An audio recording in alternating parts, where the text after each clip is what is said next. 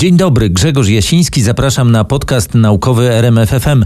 Dziś podsumujemy naukowe nagrody Nobla, bo choć ten noblowski tydzień zostanie nam w pamięci ze względu na literacką nagrodę dla Olgi Tokarczuk, to musimy przecież ze smutkiem przyznać, że jeden niemal pewny Nobel z fizyki przeszedł nam koło nosa i już nie wróci.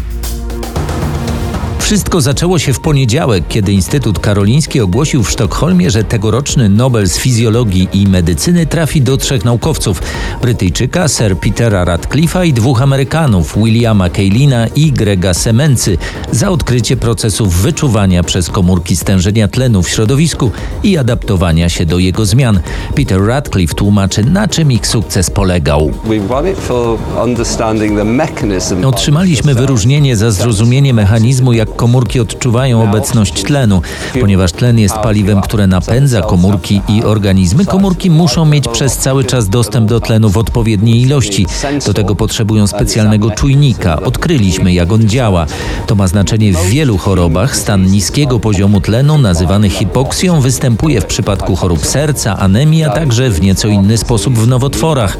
Dlatego na podstawie tej wiedzy tworzy się leki, które albo zwiększają aktywność tego systemu, albo go osłabiają. Greg Semenca przyznaje, że ten układ ma fundamentalne znaczenie dla naszego organizmu. To podstawowa sprawa. Odpowiedź na pytanie, jak organizm zapewnia sobie dostateczną ilość tlenu, by każda komórka mogła przetrwać.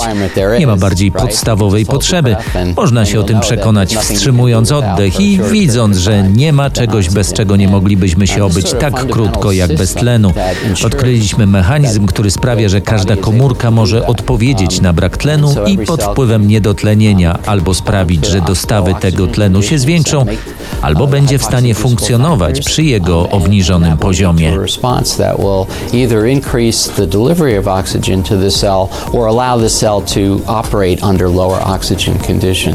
William Kaelin przyznał, że udawało mu się do tej pory jakoś spokojnie przechodzić przez ten noblowski okres. Miał już nawet pewne sposoby, by nie przejmować się, że kolejny rok nie dostał i wracać do pracy. Tym razem było nieco inaczej.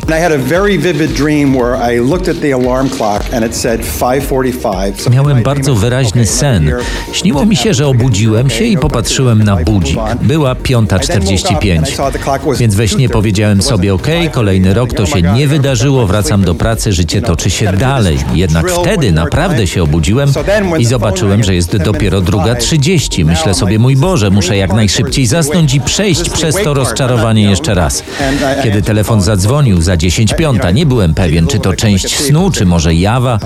Odebrałem telefon, domyślając się, nie będę oszukiwał, bo numer miał tyle cyfr, że nie mógł dzwonić nikt z Massachusetts. A potem to już było coś nadzwyczajnego. Czułem wielką radość i koniecznie chciałem się podzielić tą wiadomością z najbliższymi. No ale oczywiście codziennie w pracy mamy świadomość, że pacjenci liczą na nas, więc to nie jest sprawa nagród czy zaszczytów, choć one są wspaniałe. To jednak chodzi o dotarcie do prawdy, o budowę nowej wiedzy, w oparciu o którą będzie można tym pacjentom pomóc. I z tym z pewnością nie można się nie zgodzić. Na czym ten mechanizm polega? To tłumaczy mi profesor Martyna Elas z Instytutu Biofizyki Uniwersytetu Jagiellońskiego. Decyduje czynnik transkrypcyjny HIV. HIV przez F. Tych czynników jest, jest dwa tak naprawdę, HIV1 y, i HIV2. Są też dwie podjednostki HIV-alfa i HIV y, i beta. Y, jeżeli tlen jest na normalnym poziomie, to białko ulega stałemu rozkładowi. Natomiast jeżeli tego tlenu jest mniej albo bardzo mało, wtedy y, włączają się właśnie y, sytuacje takie, y, czy mechanizmy regulacyjne, które powodują, że to białko zaczyna się gromadzić w komórce. Jeżeli zaczyna się gromadzić, to może oddziaływać, przychodzić do jądra, oddziaływać na DNA i reguluje całą olbrzymią grupę genów, które następnie spróbują przywrócić tą homeostazę tlenową. E, prosty przykład to, jest, e, to są e, takie mechanizmy wiadomo, że kiedy chodzimy po schodach, to często sapiemy, prawda, jeżeli nie jesteśmy w najlepszej kondycji. To jest jeden z przykładów mechanizmów regulujących poziom tlenu, kiedy jest y, intensywnie zużywany przez organizm. Natomiast te regulacje genetyczne, one oczywiście nie są natychmiastowe, one wymagają trochę czasu, chociaż w przypadku tego czynnika HIV to, to dzieje się bardzo szybko, ale regulują takie geny jak na przykład EPO, która reguluje y, produkcję czerwonych ciałek krwi. Czyli jeżeli przebywamy dość długo na, na, na dużej wysokości, gdzie poziom tlenu jest obniżony, e, to wtedy organizm zgłasza zwiększone zapotrzebowanie i produkowana jest erytropoetyna, więcej czerwonych ciałek krwi, więcej tlenu jest transportowane do, do tkanek. Także to jest jeden, jeden z wielu mechanizmów, bo HIV reguluje ponad tysiąc e, genów, więc to jest bardzo skomplikowana grupa. Te odkrycia nie dotyczą tylko stanów chorobowych, ale także zupełnie fizjologicznych. Odkryty mechanizm pomaga na przykład wspinać się bez dodatkowego tlenu w bardzo wysokich górach. Jak podkreśla profesor Elas, to pomaga też sportowcom. E, ten mechanizm e, przystosowania organizmu do niższego zapotrzebowania tlenu e, sprawia też, że organizm staje się bardziej wydolny w korzystaniu z tego tlenu, czyli jakby zdolny do większego wysiłku przy, przy tym samym przy tej samej podaży tlenu i dlatego sportowcy często wykorzystują to stosując albo namioty specjalne z atmosferą właśnie z obniżonym poziomem tlenu do, do trenowania, y, albo właśnie trenując na, na dużych wysokościach. Ale mogą też iść na skróty. Oczywiście, czyli można, taki jeden z najsłynniejszych dopingów to e, właśnie branie bezpośrednio albo transfuzji krwi, e, czyli zwiększania sobie poziomu czerwonych krwinek, albo robienia to właśnie poprzez erytropoetynę, która e, też będzie stymulować organizm do zwiększonej generacji czerwonych krwinek. Dopingu oczywiście nie pochwalamy, ale tu akurat nobliści nie są niczemu winni. Tegoroczna Nagroda Nobla w dziedzinie fizyki przyniosła nam we wtorek prawdziwe rozczarowanie. Wyróżniono bowiem badaczy w dziedzinie, w której jesteśmy prawdziwą potęgą, ale polskich astronomów pominięto po kolei. Nagroda za wkład w nasze rozumienie ewolucji wszechświata i miejsca Ziemi w kosmosie trafiła w połowie do urodzonego w Kanadzie Jamesa Peeblesa za odkrycia teoretyczne w dziedzinie fizycznej kosmologii.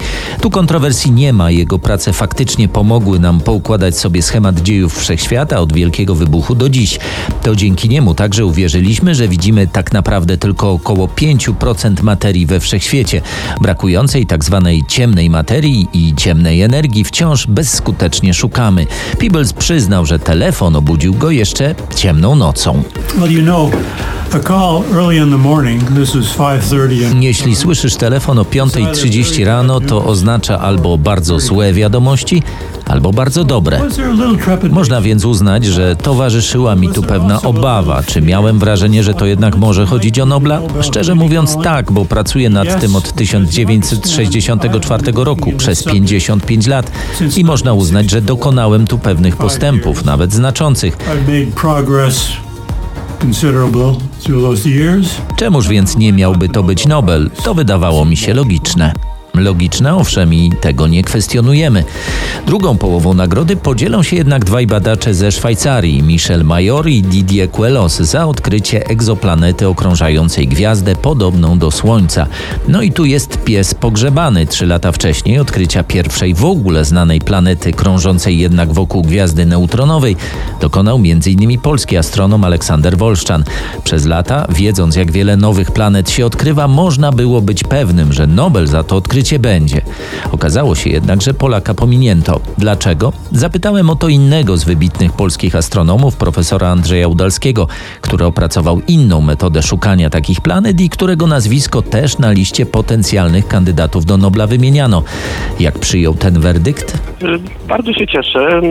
Wydaje mi się, że to jest duże wydarzenie, że astronomowie zostali uhonorowani tą prestiżową nagrodą, chociaż w ostatnich latach dość sporo astronomów rzeczywiście nagrodę e, w dziedzinie fizyki otrzymywało. E,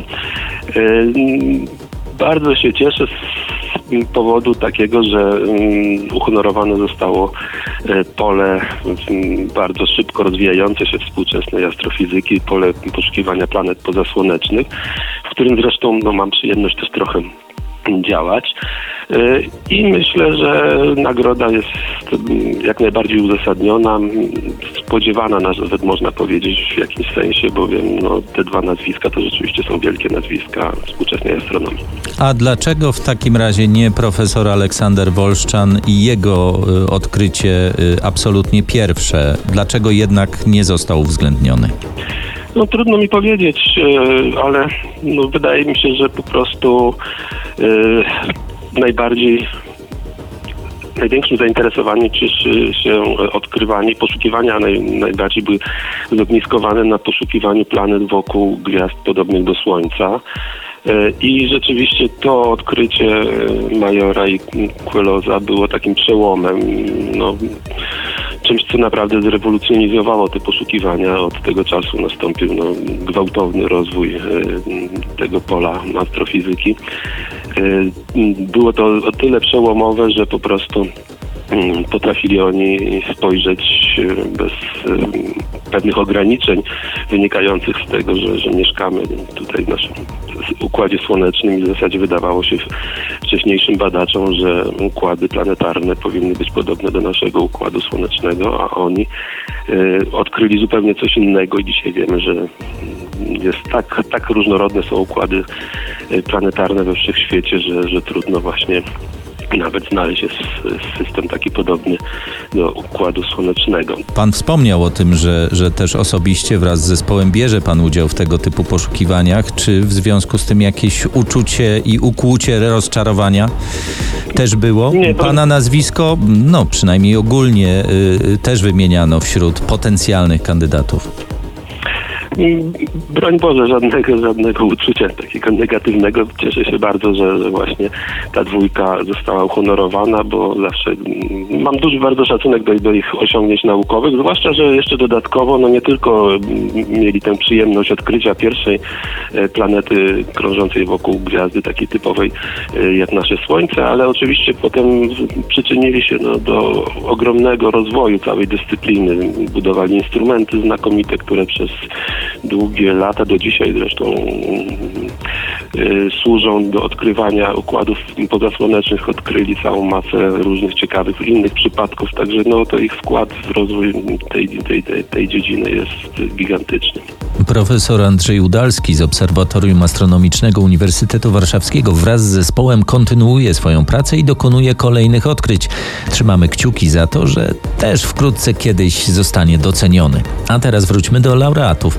Michel Major przyznaje, że zdawał sobie sprawę z tego, że jest nominowany. Plotki się przecież rozchodzą, ale starał się nie zmieniać nic w swoim życiu. Nie można myśleć o tym w każdy październik przez 24 lata. Nie można tak zaburzyć sobie życia. Dlatego zdecydowałem, że będę to całkowicie ignorował. Owszem, spodziewałem się, ale w październiku zajmowałem się tym, co zawsze. Powód jest prosty. Fizyką zajmują się na świecie setki tysięcy ludzi i każdego roku w wielu laboratoriach dokonują wielkich odkryć.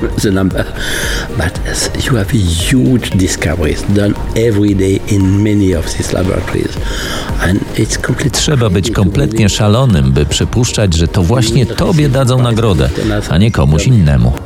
A jednak tak się właśnie zdarzyło. Didier Queloz potwierdza, że pracy nie brakuje, bo poszukiwania planet przynoszą coraz więcej niespodzianek. Odkryliśmy już tysiące planet i mogę powiedzieć, że spośród tych tysięcy naprawdę bardzo niewiele przypomina te, które mamy w naszym Układzie Słonecznym. To sprawia, że tajemnica jest jeszcze głębsza i jeszcze bardziej interesująca. Kontynuujemy pracę, bo mamy tu jeszcze bardzo wiele pytań. W tym pytanie o istnienie życia na którejś z tych planet. Pytanie wciąż otwarte. W środę poznaliśmy laureatów Nagrody Nobla w dziedzinie chemii i tym razem nie było wątpliwości, że jest to nagroda zasłużona. Nikt nawet nie pyta, do czego ich odkrycia mogą się przydać, bo wszyscy to wiemy. Amerykanin John Goodenough, Brytyjczyk M. Stanley Whittingham i Japończyk Akira Yoshino zostali wyróżnieni za opracowanie baterii litowo-jonowych. Wszyscy używamy ich choćby w smartfonach. Nie oznacza to jednak, że łatwo je było zbudować. Ogniwo z racji swojej natury jest dość e, skomplikowanym rozwiązaniem, wymaga różnych, różnych rozwiązań i materiałowych i technicznych.